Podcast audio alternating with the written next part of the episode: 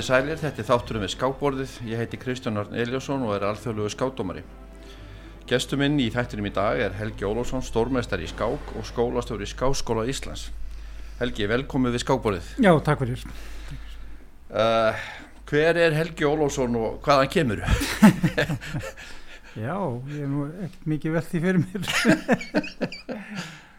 Já, ég kem náttúrulega úr sko Reykjavík uppalega og, og hérna og átti hér heima til 11 ára aldurs eitthvað, eitthvað þýmlikt sko og ólst upp á stýrimannastíki Reykjavík.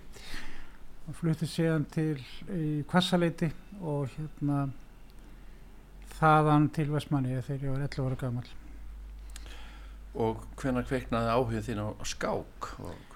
Já, ég var nú daldið að tefla sem krakki, það var nú öruglega ekki mikið öruglega engin skákjensla í gangi en ég fyldist aldrei með föðu mínum hann teldi aldrei gamla frænda minn eh, þegar, þegar sá kom í heimsókn og, og hérna ég svona var ofta að tefla við vini vin, vin mína þannig í blokkina sem ég bjóð sko. Og hérna það var meiri að segja þar var meiri að segja lækni sem hétt Snorri Pál Snorrason sem ég var ágættu vinu svona hans og uh, ég teldi aldrei við hennar Snorra sem var mikil skákáháa maður og tók eftir skákbókum þar og ég heldur endur að það sem hafi kannski haft mest ár, uh, áhrif á þegar ég fór að hérna, fá áhuga skák var að að faði minn hann hann var mikil bóka unnandi og kifti mikið af bókum og eina af þessum bókum sem hann kifti var flettan sem að tímarætti skák hafi gefið út ég held ára 1967 um að rétt og ég fór að lesa þessa bók sko. Og, og hérna ég held að það verið ágætt byrjun á svona bókfléttunum vegna þess að það opnast aldrei nýr heimur fyrir manni. Það er að segja leikfléttur í skák og alls konar svona þemu, ódöðlega skákið var þarna og eitthvað kefingamót og hann hefði þeindur Pól Morfi skákir og ég las þessa bók alveg spjaldan á milli og, og hérna stóð þá vantarlega eftir svona sem með nokkra þekkingu á greininni sko.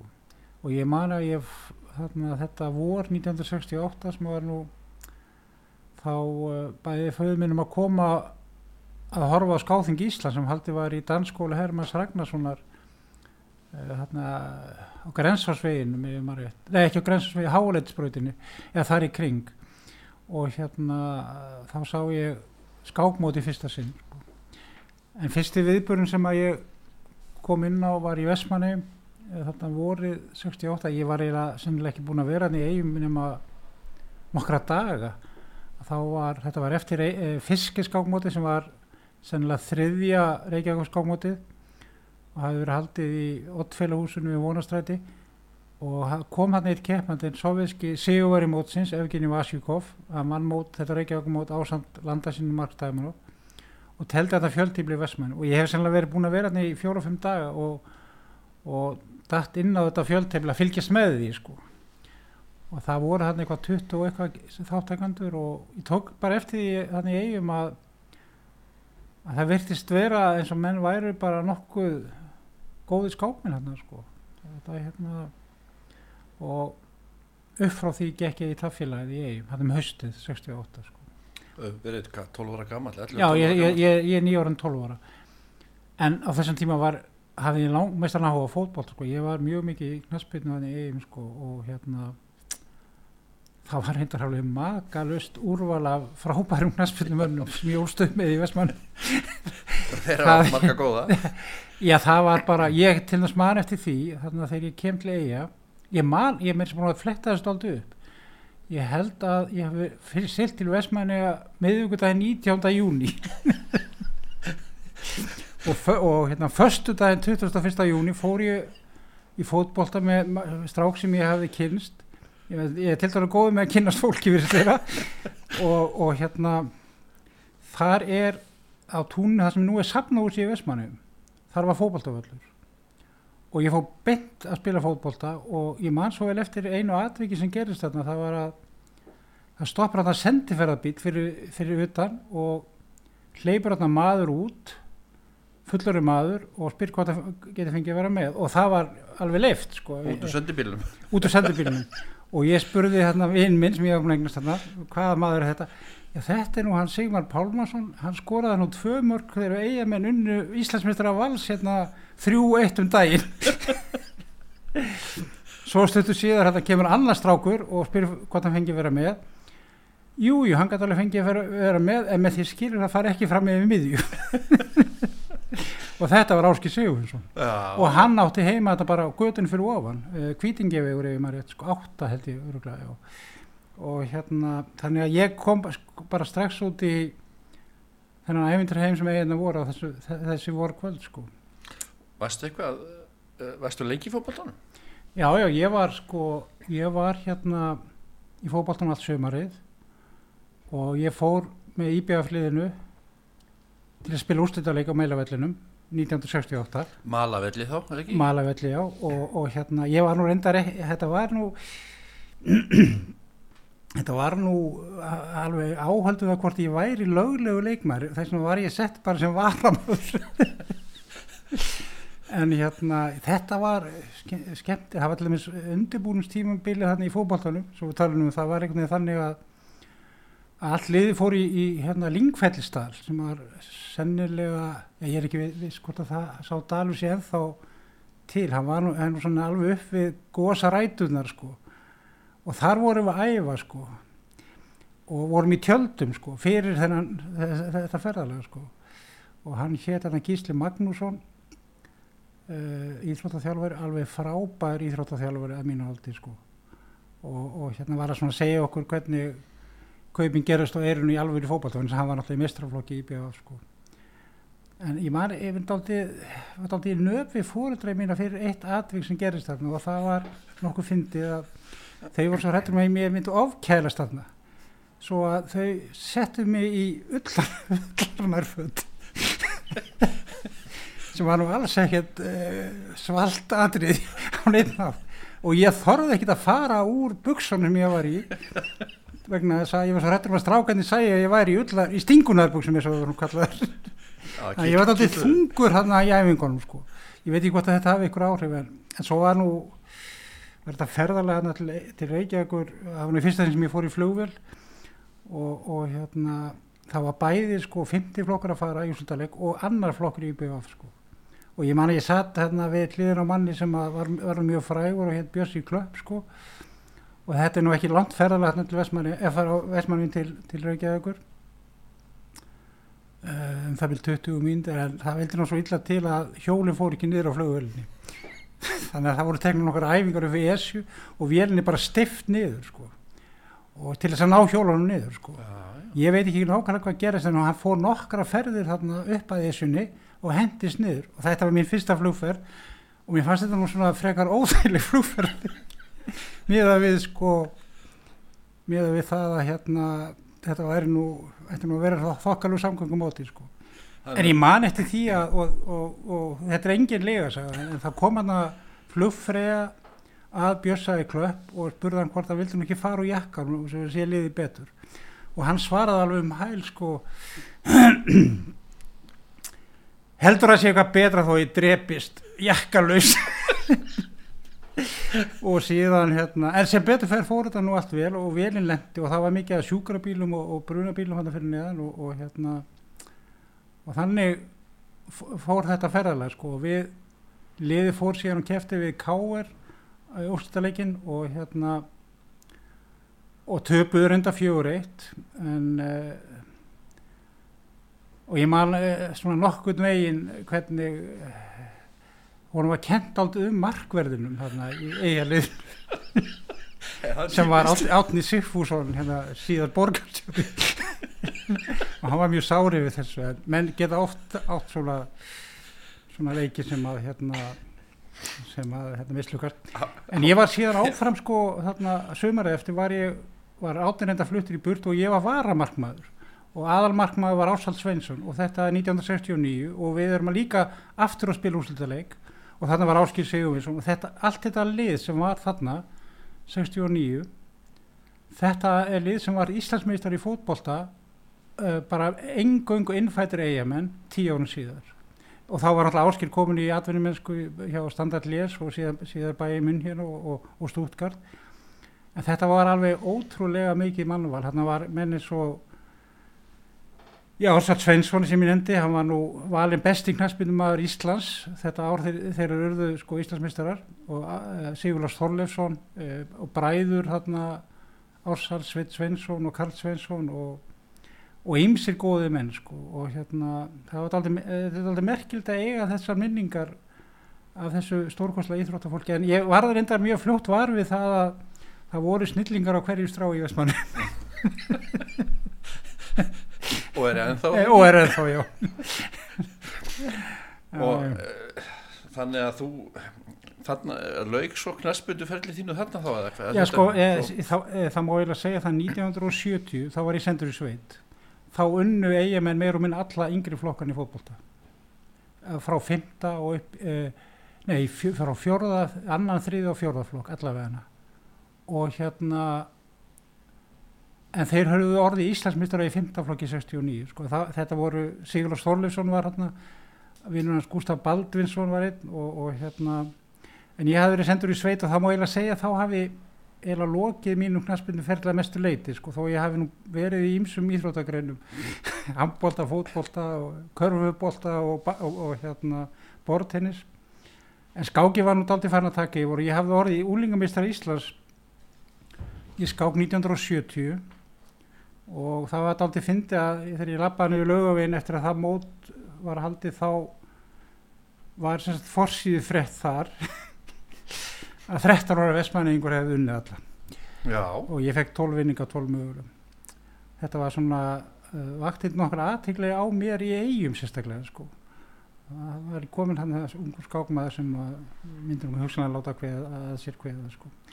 En að ég, þegar við förum aðeins aftur að þessu dæmi í Vestmannu þá þá gekk ég í taffilagið 1968 og það var þá haldið í húsi sem heitir Drífandi sem er alveg niður við höfnina í eigum sko og mér fannst þetta mjög skemmtilegu félagskapur ég held reyndar að að hérna það hafi hjálpað mér mjög mikið að ég var mikla virðingu fyrir skáklistinni.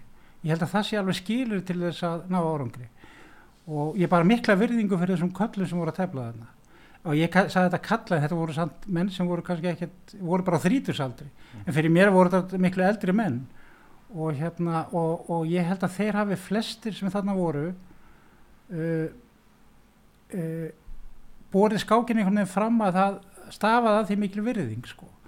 og á þessum tíma vo- voru mér ekkert að hugsa um skáksti einhvern veginn svona, voru mertir með einhverjum stigum heldur, heldur var ég til dæmis að fylgjast með hvernig þið teldu hvað, og ég skrifaði mér þessar skákinar þeirra niður og svona þannig þetta var svona þetta var startið sko og hérna ég tók lí, reynda líka eftir að ég var tildulega fljótar að pekka þetta game upp sko. Og, og hérna eins og sérst á því að að ég fer hérna á Íslandsmótið 1970 og það munaði reyndar engu að ég hefði mistað þessu móti vegna þess að vegna þess að það var kolbrjála veður og ég fór hann niður á höfn og ætlaði að taka herjól sem sildi þá allir reykja ykkur ef ég maður rétt sko.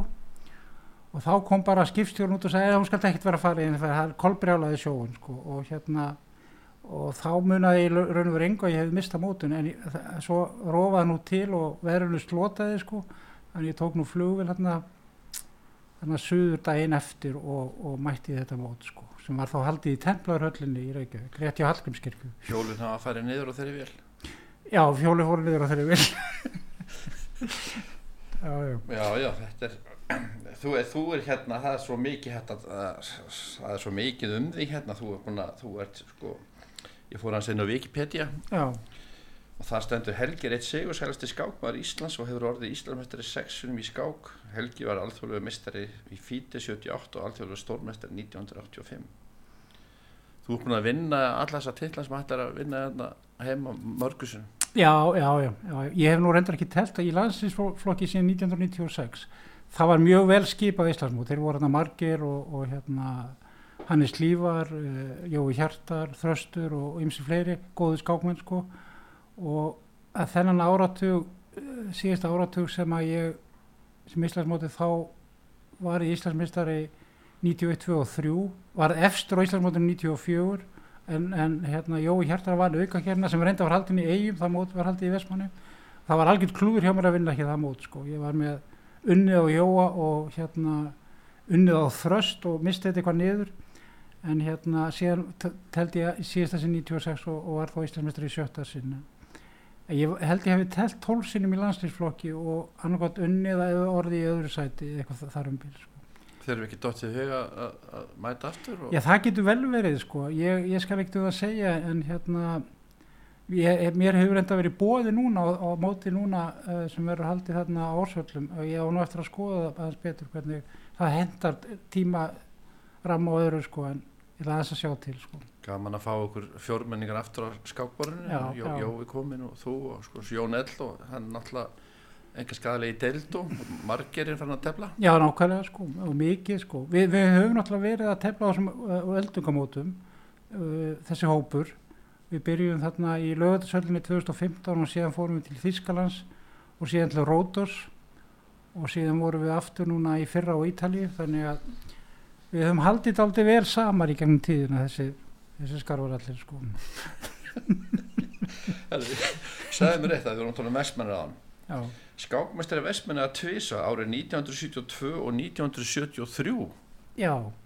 Sko ég hérna vann uh, Íslands, eða Vestmanni móti 72 uh, þarna voru ég vil nú aðeins bæta við þessum ágætu mönnu sem voru þarna. Þarna voru sennilega besti skákmaður á þessum tíma var til dæmis Björn Ívar Karlsson Læknir alnafni Björn Sívars hérna, skákþjálfara og kennara Arnar Sigurmundsson var einn mjög góð vinnu minn og hérna Andris Rólfsson, Einar B. Guðlusson og ymsi fleiri þetta var allt alveg óborgarlegi karakterar uh, sem eru margir fallinni frárendar eins og Óskar á Háæri, Bergsur Oddsson, Páll Átnarsson og, og, og þetta var alveg stórkostlegt lið eh, á mjög góða minninga frá því. Ég sem sagt vann 22. janúar þá tefli ég Vandra Rólsson, skákin fyrir byð og henni var ekki haldið áfram fyrir 20 árum síðar. við, við þöfn hérna í húsi Sparisjóns í Vestmannaugum og Magnús Bæjarstjóri gamli hann, hann leik, leik, fekk að leika byðleikin ef ég maður rétt í þessar skák við andra en það innsiklaði líka sigurinn sko, hjá mér í, í, í, í því Vestmannaugum móti sko. Og hérna þannig að 73 þá eitthvað? 1973 sko. og þessi byðleikur sem var settur í, í, í umslag já, og innsekla Kom, komst eitthvað upp um það hvað var í umslaginu? Hvaða leikur já þetta sko var? ég átti, ég átti nei þetta var einhvern veginn þannig. Ég held að ég reyndar að ég hef leikið byðleik ég átti sk- skorbókina. Þetta var þannig. Og hérna ég, eh, hvort að menn bara tóku hana með sér sko heim og komu svo með hann aftur í skákina og það þýtti þýtti ekki að vera króti en þess að byðleikurinn, þú skrifar hann um kvöldið sko þannig að, að ég var með skorbókina og staðan var Hann ekki fastur. já, en hún var rétt en það er stoltið skrítið í sambandi við þetta að ég hef, hef ekki fundið, fundið þessa bók síðan hún hvarf bara hann í eigin 93 sko Jú, það þarf að hafa upp á henni Já, ég, ég held hún sé bara örglega tínd sko, en, en hérna byðstaðan byrtist reyndar í morgunblaðinu um þetta leitið sko. Já. En það sést tók 20 ára að, að ákvæða hver væri með. og það var ekki telt að það milli þá um þennan titil. Jú, jú, jú, jú, það, það eru hérna, ve- skákning Vestmanni var haldið stuttu eftir eftir góð sko og hérna miklu vini mínir hafa unnið þetta markvald þar og meðal Björn Ívar, Sigurjóð Þorkelsson og, og fleiri. Og hérna það er alltaf haldið skákning Vestmanni er alltaf haldið á hverju ári sko. aðeins með fjórmenningana þú hefði kannski komið fram að- hjá öðrum að þeir fenguð áhugaðan í kringum sko þegar Fisser og Spassky er að tefla hérna 72 þá svona uh, já þá svona fe- fer þetta á alvör í ganga ekki þá svona. Jú, sko, ég heldur endur að það eigi kannski að sumuleiti meira við þá.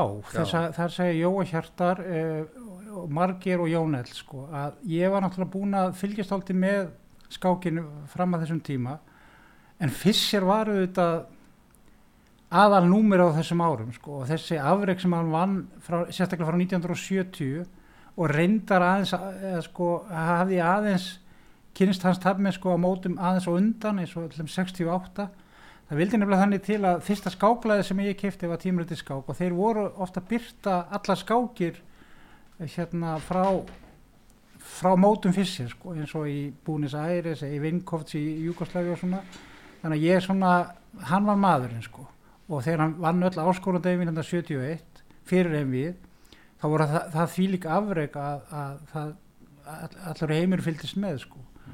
Þannig að það var svona en auðvitað hafði þetta sko MV 72 er stærsti skákviðbörður allra tíma. Það er engi spurning. Og, og þetta er einn af stærstu menningaviðbörðum síðustu aldar alveg börsið frá hvaða greinu þú tekur. Það er engin ágreiningur um það heldur sko og, og skákin sem slík sko þetta er eitt, eitt af þeir sem að skákreifingin verður til dæmis aðeins að átta sig á að þetta er, þetta er bara þetta er hérna arfleið sem er mjög mikilvæg. Og ég hef alltaf litið á skákina hún, hún skiptist í svo margar dildir í raun og veru. Eitt er menningararfurinn og, og ég fyrir fordleifar til dæmis þjóðminnisafnið Íslands er, er stopnað stoppgjöf til þess var til dæmis nefntap sem fannst í kumli í hérna í hérna þingvalla þingiði sístlu sko 1860 eitthvað sko 66 svona eitthvað slúðis eða hvort það var 1860 ég maður, jú sennilega hefur verið þá. Og það líka sko er skákið náttúrulega bókmetagrein sem slík skilur og svo er hún félagslega mjög sterk vegna þess að að það er mikið af krökkun sem byrja að tæfla eignast vín í skákinni og hún heldur síðan áfram eða þetta er ekki eins og allar kefnisgrein þú getur haldið áfram að stunda þessa kefnisgrein alla æfi þannig séð sko. Það er svo Björn Þorfins að það er engin svona íþróttameðsl. Já það er náttúrulega kannski öðrum tó kannski öðrum tó, ég skal ekki þú að segja en, en þetta er eiginlega 50 ára ammali sem var haldið í fyrra. Og þetta, það var litið á þetta sem sko, heimsviðburð í raun og veru uh, að þetta ammæli sko og, og hérna mér hefði nú kannski fundist viðegandi að setja upp stóra síningu að þessu tilefni hér sko. Eins og alveg spandar ekki menn gerðu þarna í, í hérna hérna í Missouri fylki eða ríki með mjög stóra síningu og svo framvið sko. En það er að, að passa sig upp á að halda þetta vel utanum þessa arflið sko. Og við eigum líka aðra arflið sko sem er til dæmis skákferðil Friðriks Vólásson ég hef nú svona ég veist svona einhvern veginn reynda að nálgast skákinni daldi og og frá mörgum hlýðum hvað þetta var það sko og hérna halda utan söguna. Skáksagan mjög merkileg eins og saga Reykjavíkur skákmótana ég skrifaði nú þetta tvær bækur um, um Reykjavíkur skákmótin og hérna þetta er svona ákveðin hérna ávinningu fyrir skákreifinguna að hafa eiga þessa skemmtilegu sögur sko. Þetta er mjög flotta bækur það er frá 1964 það eru hefjast til 1990 Já. það er þeirra bindið og svo eftir með 92 til 2014 Já, þá, þá er komið 50 ára ámæli sko. Já. Já Þú er búin að tala um bækur hvað er þú búin að skrifa marga bækur? Já, ég, ég, ég man það nú reyndar ekki alveg nákvæmlega en hérna ég held að með þýðingum sé þetta eitthvað 7-8 bækur eitthvað svolítið sko eitthvað svo leiðis sko. 7-8 bækur. Já. ég hérna, já ég, með hérna þú þýttir á staðfærið bókina Skák og Mát. Já. Eh, eftir Andrúi Karpov. Já. Hún var gefin út hérna eitthvað í 30. eintökum. Er hún ekki bara usseld uh, ég, ég bara satt að segja veit það ekki sko. Þa, það var almennt hérna ég held að krakkar og fólkdra hefur bara verið nokkuð ánað með þessa bók sko. Þetta var svona létt léttilega að fara yfir þetta og, og, og kannski á forsendum krakkana sko. Þannig að ég já, ég held að þetta sko, hefur bara lukkast vel sko. ég held að Rapp Jökulsson hafi sko dreftin í þriðabekk uh, út um all land já, þegar, þegar, þegar Rapp sko þegar Rapp hérna fer í sitt mikla áttak þá var þetta fyrsta verk á hans dagskrá að dreifa bókum út um, út um hérna út, út um skólalandsin sko og, og þess, hann fekk nú marga góða menni í hérna lið með sér og sem að sem að hérna kostuðu sko endurprentun á, á þessu verki sko. Ég skil því uh, Við ætlum að fara í auðlýsingar en, en uh, þú ætlar að velja lag sem við ætlum að spila eftir auðlýsingar hvaða lag er það? Já, það er nú ég veit ekki hvað ég á að segja um þetta val en hérna ég eh, er neitt að fara á konsert í kvöld eða hlusta á RAK 2 sem er verið í hörpu þannig að ég ákvaða að velja annað frægasta píjónoverk allra tíma sem er píjónokonsert nr. 1 til Tchaikovsky eða brotu því allavega sko. Þannig að við förum í auðvisingar hlustum að leiði komum svo aftur Takk fyrir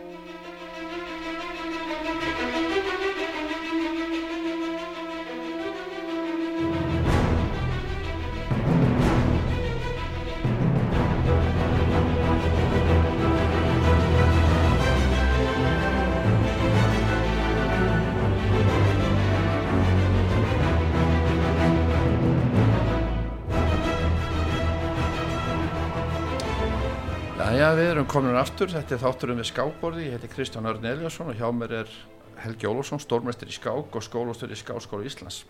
Helgi, þetta er uh, hörku verk. Já, já, já, þetta er náttúrulega al algjör dundur sko. Það maður kemst alltaf í stuð þegar maður... Það ekki? Jú, Við, ég rætti aðeins við því hérna í, í hlíðinu um að hérna það er þetta að segja frá svo mörgu að fá að við myndum skipta þættinu bara í tvo hluta, misskostið, að við myndum taka þennan þátt og, og, og svo kemur aftur. já, ekkert mál, jú, jú. Ef þið viljið hafa mig þá er bara, það bara fínt. að sjálfsögðu viljum við hafa því. Okay. En hvert voru við komnir þegar við fórum í hlýðin, varstu það? Við vorum að, Já, vorum við að tala um, uh, þú varst að tala um, um við vorum að tala um Reykjavíska mótinu og svo Fisser mótið á lo- loftleiðum. Ef, við kannski að fara, þá því þú segir í bókinni, talar um uh, loftleiði sem hérna, uh, móti sem voru haldin þar. Það var svona rómatísku tími manni, þetta er svolítið skemmtilegt að koma þangað. Já, ég hérna er, hef aðeins fyrir að re- reyna að rifja upp sko hvena loftlegi kom svona stert inn sem skák móta staður og ég man ekki betur en það hefði verið árið 1977 þá er haldið hérna yfir millir Spassky og Hort í áskondakerninni og, og hérna þá einhvern veginn smell passaði þessi staðu við þann viðbörðu sko. Það var, uh, það var margt sem kom þar til. Kristalsalurinn var mjög skemmtilegur. Það var þarna mjög skemmtileg kaffeterja og síðan var ráðstefnusalurinn þarna innaf og hérna þetta var til þess að menn sá að það, þetta var staðurinn. Það var ekki þetta var ekki komið út í það að, að hérna, salinni væri mjög dýr eins og e, síðar náttúrulega var. En eftir þetta voru haldin þarna e, mjög skemmtileg mót. Sko Reykjavík 1978 sem var sem var þannig að það komið stundum færri aðein vildu inn í sem áhörundur sko. Og það var mikil hérna stemning að taka þátt í því móti. Ég man að Friðrik Ólafsson var, var hann í miklu stuði og þarna voru menni svo Tony Miles og Walter Brown og fleiri. Og síðan er þetta mót haldið þarna áfram. Reykjavík móti 1980, 82, 84 eh, 86 88 en það var líka síðasta Reykjavík mótið í byli allavega. Ég man ekki eftir að þeir hafa haldið það aftur eftir það. Vegna þess að uh, árið 1990 þá eignast skákreifingin sko nýtt húsnæði sem er, er í Faxafinni og það var haldið fyrir stórveldarslag hérna Vísa þar sem að bandaríkjumenn, Sovjetríkin, England og síðan úr, úrvalslinn Norðurlanda teldu og Reykjavík fór síðan fram eftir það og bæði, báður þessi viðbyrði voru gríðara sterkir sko.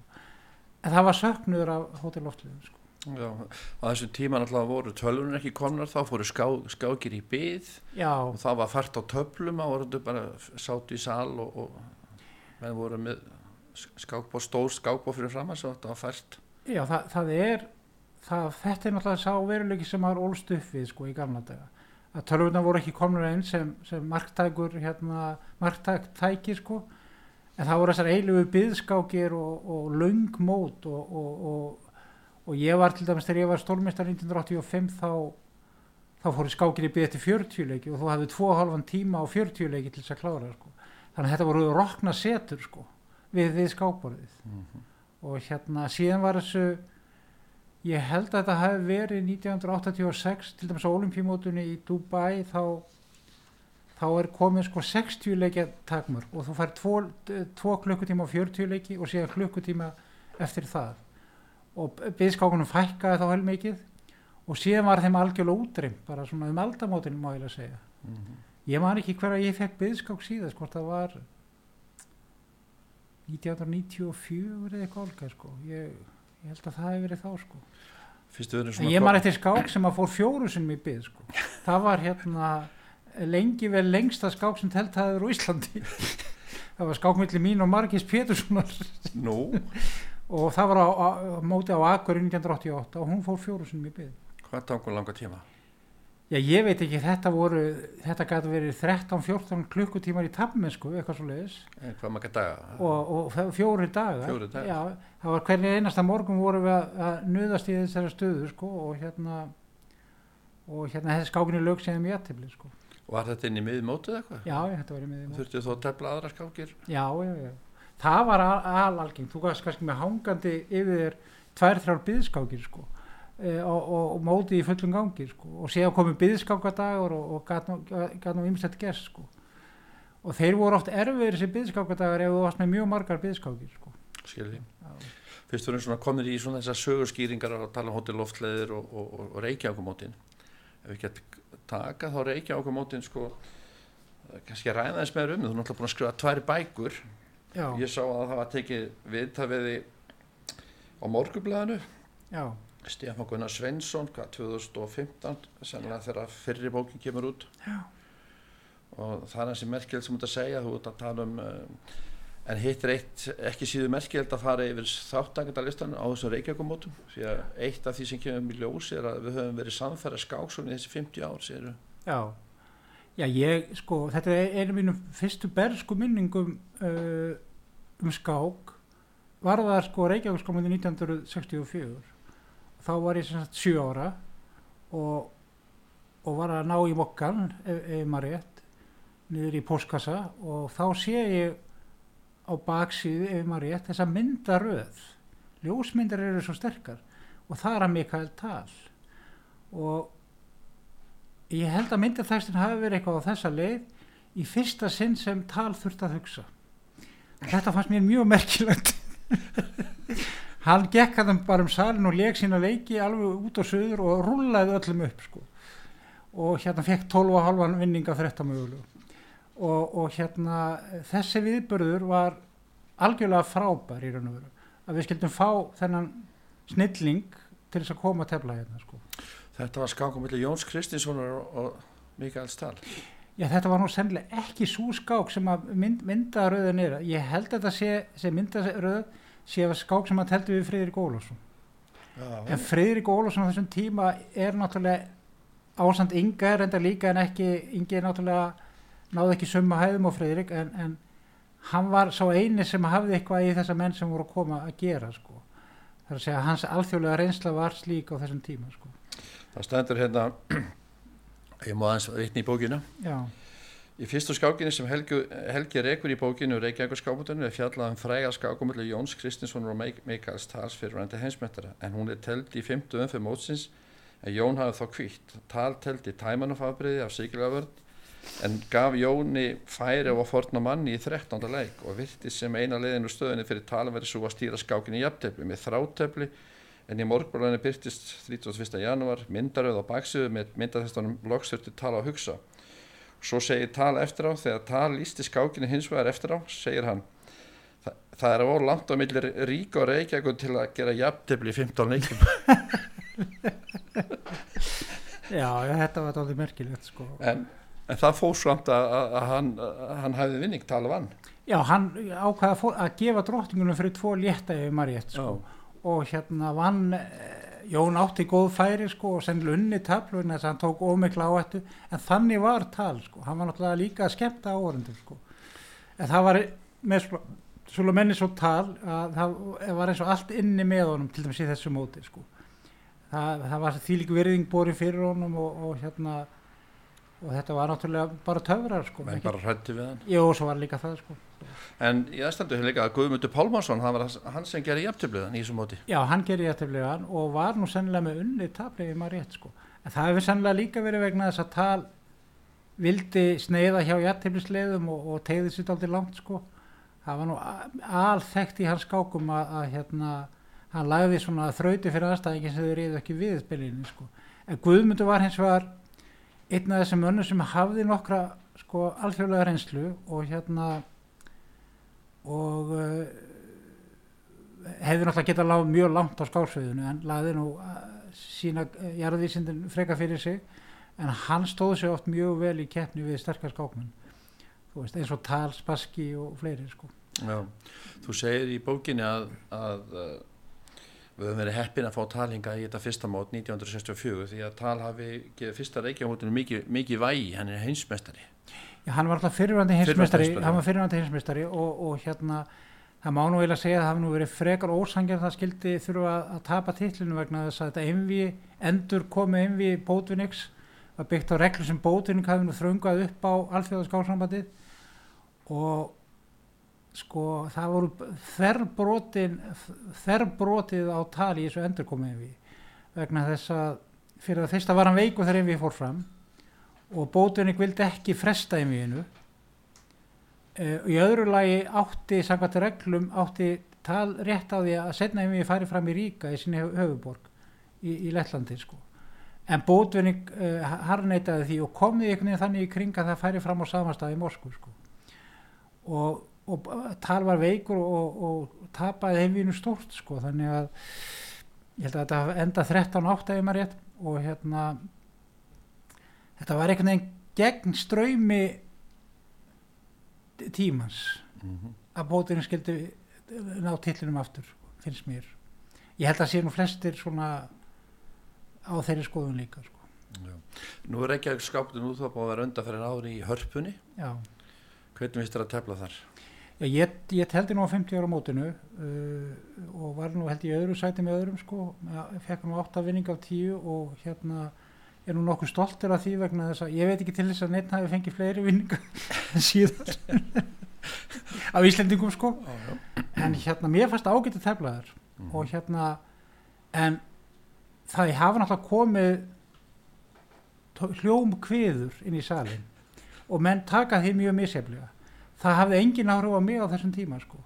en stundum var háaðin það, það mikill að, að hérna að menn eru bara mjög misjaflega viðkvæmi fyrir svona löguð sko. Mhm. persónulega finnst mér þetta helst í galli við keppnistæði en það er mjög fallett þarna og, og, og hérna og mér finnst svona hvað getur við sagt eh, margt mjög skemmtilt í sambandi við þetta mót ég er reyndar á þeirri skoðun að, að, að svona bestu skákmenninir það er atvinnu skákmenn þeir myndu miklu frek, freka vilja tefla þessu móti ef það er því flokkaskipt. Já, ertu hlindu því að verði já ég myndi kannski ég, tvei flokka, verði svona uh, kannski tól skákmenn, tíu tíu tól skákmenn sem tefla Nei, ekkit, end, ekkit endilega sko. ég held að ég fór nokkur sinnum á aeroflótum úti í Moskvu í hópferði þangað og þá voru þrýr flokkar og fyrsti stað var sko efsti flokkurinn var 2500 elosteg og þar fyrir ofan. Síðan kom næsti flokkur þar fyrir neðan sem var kannski 2200 steg upp í 25 og síðan sériðillin ennþá neðar. En þeir gerðu þetta aldrei sniðulega því réttum til að í sum tilvíkunum voru leiðar undanþáur og það var hægt að beita þeim með skynsum hætti myndi ég telja. Ef það er eitthvað skákmaður sem er á mi- mikilli siglingu og vil endilega tefla í efstaflokki þá má, þá má alveg leifa eitthvað slíkt skilur og hérna, eða er þá bara eitthvað nefnd sem myndi ákveða eitthvað svoleiðis eins og bara, töttis með vigni vatna núna ef hann væri að tefla í skilgu flokki þá geti hann farið Já, ég er ég 25. eitthvað skilur en ég held að stigalómarkin myndi við náttúrulega vera alltaf öðru seldur en í Moskvu eins að þetta voru náttúrulega margir stigastu skákmenn heims sem voru þarna. Að ég maður þegar ég fór þarna með hóp 1983 og 4 þá til þess 84 var Magnús Karlsson og hann fór í efstaflokkin og fekk 5,5 nýju ef maður rétt. Og hérna teldi rosalega skemmtilega sko, veist, og, og hérna og ég var hérna líka, ég var með, með sex vinninga nýju og, og, var nú bara nokkuð ánægð með það sko en þetta voru ofbóðslega sterk mót sko og hérna ég held að við ættum aðeins að velta þessum mögulega, mögulega fyrir okkur að, að hérna breyta þess kerfinu sko. En mér skilst nú reyndar að, að það verði einhver atkvæði greinslu um þetta en ég er algjörlega samfærður um að bestu skákmyndi vilja hafa þetta flokkaskipt sko. Já, hann var svolítið umræða ummyndi eftir síðasta móta að sko þetta er svona reyfingi skiptið svolítið í tvent kannski með þetta. Já, einmitt, einmitt. Hvernig fyrirkomulega að verða. Já, en halda okkur við Reykjavík skámundið árið át- 1984 og 1990 já. Manstu hvað sér það? Það? Já, ég var, var meðal sigur þessi ári, já, ég mannst til því, sko, og hérna, uh, móti 84 var eiginlega svona að sumuleiti uppafið að svona ákveðin skáksprengju eins og það var orðað á þeim tíma. Í íslensku skáklifi þá má eiginlega segja að upp frá því þá, þá komum við fram, hérna, ég, Jói Hjartar, Marger og Jón Ell uh, og fleiri, uh, Kalli Fostins var hérna líka, uh, sem eh, svona framvarðasveit okkar í skákinu það urðu kynnslóðaskipti þarna sko Eh, þar segja Guðmundur Sigurðsson Freyrík voru búin að uh, hérna, bera flaggið sko en þarna tókum við algjörlega yfir og ég held að að þá höfum við líka farið að hafa okkur svona meira professional upp frá því heldur en það. Það kom mjög stert fram sko strax á næsta olimpímóti og síðan að í Dubai að menn tóku þetta mjög alvarlega og vildi bara vera í toppnum sko. Í Dubai, í hvaða sætu lentu þar olimpíumótinu? Já, við verðum í 15 sæti í Dubai sem að var náttúrulega mjög góð framistað. Þarna voru, voru náttúrulega sovjetmenn með Karpo og Kaspar á fyrsta borði eh, á, á, hérna, á, á fyrstu tveimu borðunum í efsta sæti og síðan komu bandaríkjaman englendingur og ungverjar og síðan við og hérna við vorum með mjög öflega sveit á sko. Aðeins um þeir sjálfan, uh, hvað hefur náð há- hátt á heimsleistanum, mástu það? Ég, ég held að ég hef verið í kringum 30. sæti þegar best var og var marg ofta á topp 50 og í topp 100 sko. En það var á þessum á, árum e, milli átt, e, hérna, undir loka altarinn sko. Mm -hmm. En eftir að ég byrjaði þetta í skáskólanum eða sem, sem skólastöru í skáskólanum þá hætti ég náttúrulega svona sem að tefla þessum metnaði sem hafi verið áður sko, ofta áður og hérna en uh, Stígin voru náttúrulega öðru sér þá ekki, en hafði orðið eitthvað verðbróka eins og stigum. Þú, Jú, það er nú almennt, það, það, það er nú almennt talað um að ég held ég hafi náð efst á byrtum lista uh, í kringum 2600 stig og hérna það, það í dag myndi það myndi 30. sæti verið eitthvað í kringum 27, 26, 8 10 og svoleiðis. ég reyndar engin sérstakur aðdáandi skákstiga mér finnst að klína alltaf einhver skákstöðum á fólk. Ég spyr nú til dæmis ef þú tekur til dæmis vinnustæð eins og alþingi myndu þeir lúta því að vera með einhver elástig á bakinu þeir starfsmenn?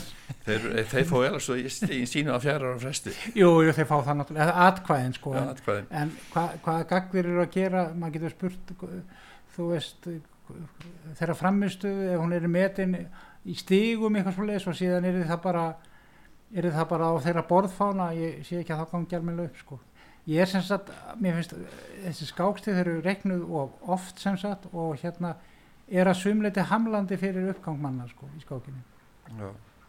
Þarna, já, 84, þá verður það, þá takið við þannig 84, 6 og sko, svo Jói Herta, hann er að tefla eitthvað, kostnaði 88 eða ekki eitthvað. Já, sko þessir, þessir sem að við byrjum þarna uh, ég og Margir tókum þátt í okkar fyrsta olimpíumóti 1976 það er að vera 50 ár síðan.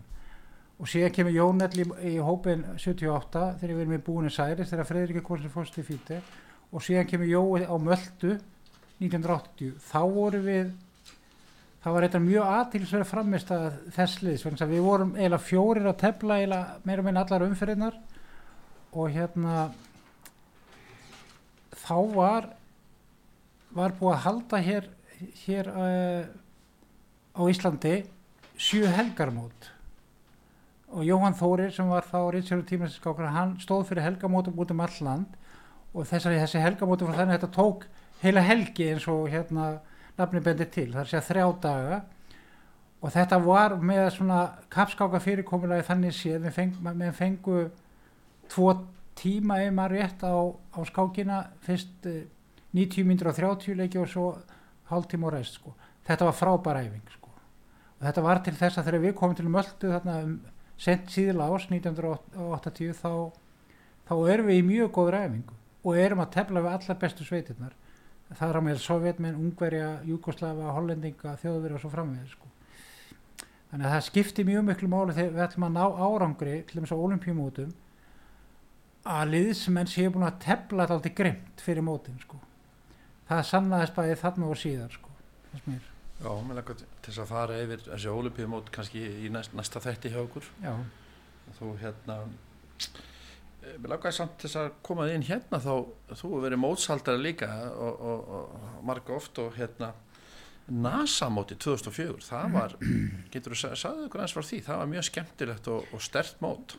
já, sko málið var það að ég var í stjórn skásamanns á þessum tíma og, og hérna það voru komið upp uppgræðar hugmyndir uh, ykkur norður í landi um að vegna þess að það var verið að prómótera það að byggja eitthvað álver þar hérna fyrir norðan eitthvað rétt í Húsavík og, og þeir aðeira sem að stóða því þeir vildu halda vildu halda alþjóðleitt skákmót uh, og, og hérna bara svona til þess að styrkja ímynd þessa fyrirtæki sem var að sem var að fara hérna, reyna að reysa þetta árveldi eða fá réttin til þess sko.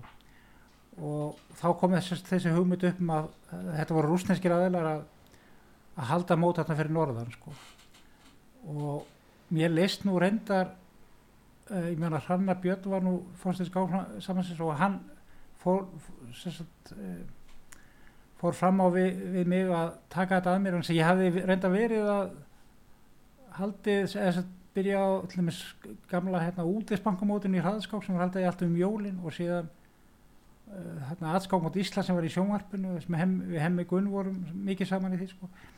þannig að ég hefði smá reynslu í þessu og hann vissi það og hérna þetta enda nú með því að við ákvæðum að halda þetta í Reykjavík sko og hérna og, og þetta var samlega Reykjavík skámótinu mm. og þarna á þessu móti þá má ég að segja að þarna hefði komið svona vísir að kynnslóða skiptum í skákinni þess að mér tókst að fá bæði Karpo og Kaspar til þess að taka þátt í mótinu og Arónian Arónian var hérna, Magnús Karlsson uh, Nakamura var endur á Reykjavík og ég teldi við hann þar. En menn unni einhvern rétt sko af Reykjavík yfir á, á hérna á það, þetta mót sem kallað var Reykjavík Rabbit en þetta var öðrum þræði bóðsmót og það voru þarna 16 skákmenn sem að teldu útsláttakeppni uh, hvort það voru 25 myndur á skákinni eitthvað þeim líkt og, og hérna þetta endur náttúrulega með því að Kaspar og mann móti er, er Karpo fjall úr á lokasprettinu en þetta vakti gífulega aðtegli sko í Núri þetta mót vegna sama ég, ég sko ég fekk reynda þá hugmynd að að í stæðs að nota stig sem hérna við vorum með innbildorkerfið sko til þess að Mhm. ræðmennu niður þá hefðu við hraðskarsmót fyrst og resultati í hraðskarsmótur myndi síðan gefa mönnum rásnúmerið Já. 1 upp í 16 og síðan var var eh, sko í innbildorkerfið þannig að að samtala númerin er alltaf svo sama 1 og 16, 2 og 15 og svo framvís og hérna þannig að þetta var til þess að í hraðskákinni vann Magnús Carlsen rétt á að eh, nei, hann, ég, nei hann, hún hafði verið bóðið sko, já, hún var bóðið að við vissum að það var eitthvað í gangi sko. Og ég tók nú reynda þá ákverðum að bjóða honum eftir mikið þrýsting frá Síman Agtistæð sem var hinni meginn á línunni í Noregi sko. Og hérna þá sem sagt vinnur Magnús Carlsen Karpo og þetta verður stórfrétt í Noregi. Ég hérna við ætlum að halda áfram með þessa NASA sögu. Já, ég, þegar við byrjum í næsta þætti. Ok. En tíma okkur er búin í, í dag Helgi. Yes. ég, ég þakka þið fyrir komuna í þáttinn Já. og við sjáumst þá bara í næsta þætti og Það sé, ég þakka gæsti mínum Helga Ólarssoni stórmestari skák og skólastöra skáskóla í Ísland fyrir komin í þáttin og, og fyrir afa fróðlund og skemmtileg spjall. Einari Karlið þaknaði fyrir tæknumál og stjórnum útsendingar. Ég heiti Kristján Örd, verðið sæl.